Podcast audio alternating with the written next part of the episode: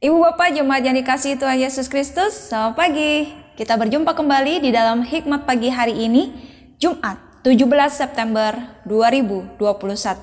Mari kita masuk di dalam doa, mohon pimpinan penyertaan Tuhan di dalam perenungan pada pagi hari ini. Bapak Surgawi, Bapak yang Maha Besar yang kami kenal dan sembah di dalam Tuhan Yesus Kristus, Terima kasih hari ini kembali Tuhan karuniakan kepada kami sehingga kami dapat menjalani dan rindu mengawalinya bersama dengan Tuhan. Kami sungguh rindu kebenaran firman-Mu yang akan kami renungkan bersama-sama memberkati setiap kami. Di dalam nama Tuhan Yesus kami sudah berdoa. Amin. Judul firman Tuhan hari ini adalah generasi yang menginspirasi. Terambil dari kitab 1 Timotius pasal yang keempat ayat 6 hingga ayat yang ke-12. Namun saat ini saya akan membacakan ayat yang ke-12 saja demikian. Jangan seorang pun menganggap engkau rendah karena engkau muda.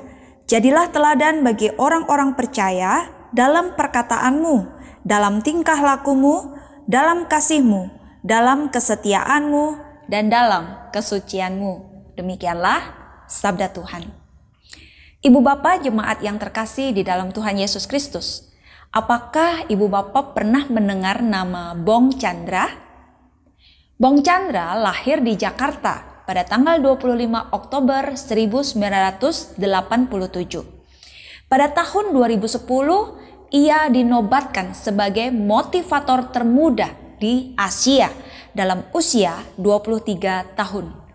Bong lahir dari keluarga biasa saja dan dibesarkan dengan keadaan penuh kelemahan fisik. Pengenalannya kepada Tuhan Yesus Kristus dimulai pada saat ia diajak temannya pergi ke gereja. Bong sering bertanya, untuk apa Tuhan ciptakan kesulitan? Dan kemudian ia mendapatkan jawabannya, bahwa kalau tidak ada masa-masa sulit, tidak ada masa down, manusia akan mengandalkan dirinya sendiri. Ia kemudian mulai mengubah paradigmanya dan semakin mengandalkan Tuhan. Bong mulai bekerja apa saja, mulai kerja serabutan, berbagai MLM dan IO dijalaninya.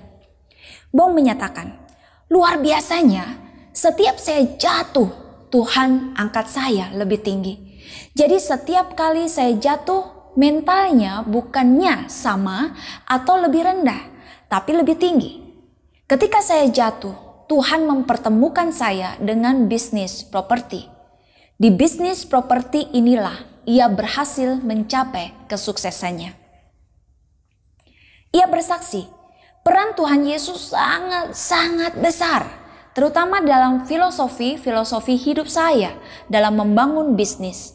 Sebagai contoh, dalam Alkitab ada yang mengatakan barang siapa yang menabur dengan mencucurkan air mata, akan menuai dengan sorak-sorai. Saya pegang firman Tuhan itu dan saya lakukan. Setelah berhasil, Bong ingin orang lain juga bisa sukses, maka ia menjadi seorang motivator. Ibu bapak jemaat yang dikasih Tuhan Yesus Kristus, banyak orang enggan untuk berbagi, apalagi menjadi teladan dan menginspirasi. Tidak demikian dengan Rasul Paulus. Ia sangat bersemangat untuk mengajar dan menasehati orang-orang lain. Rasul Paulus memberikan nasihatnya kepada Timotius agar menjadi pelayan Kristus Yesus yang baik, terdidik dalam soal-soal pokok iman dan dalam ajaran yang sehat. Rasul Paulus juga mendorong Timotius menjadi teladan dalam masa mudanya. Generasi muda atau kaum muda Gereja Kristen Indonesia Karangsaru juga turut dipanggil untuk menjadi teladan dalam keseharian kaum muda yang tidak silau dengan harta, tidak tergoda dengan dosa, melainkan menjaga iman dan bersedia menginspirasi dunia. Generasi yang mengalami Tuhan selalu bersaksi dan menginspirasi. Amin. Mari kita masuk di dalam doa.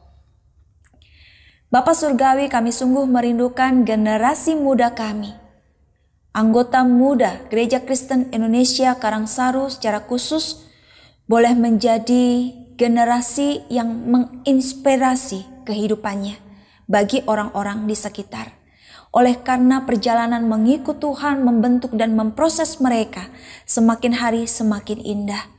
Kami sungguh rindu keteladanan dan karya nyata juga boleh disaksikan oleh kaum muda kami.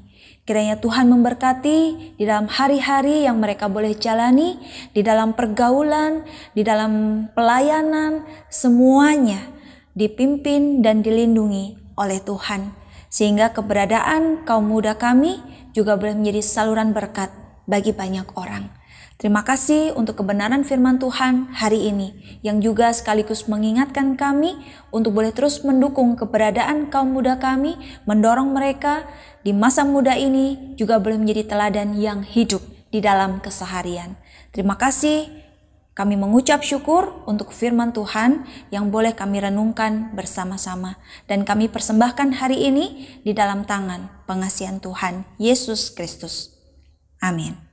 Selamat pagi, selamat berkarya. Tuhan Yesus memberkati kita semua.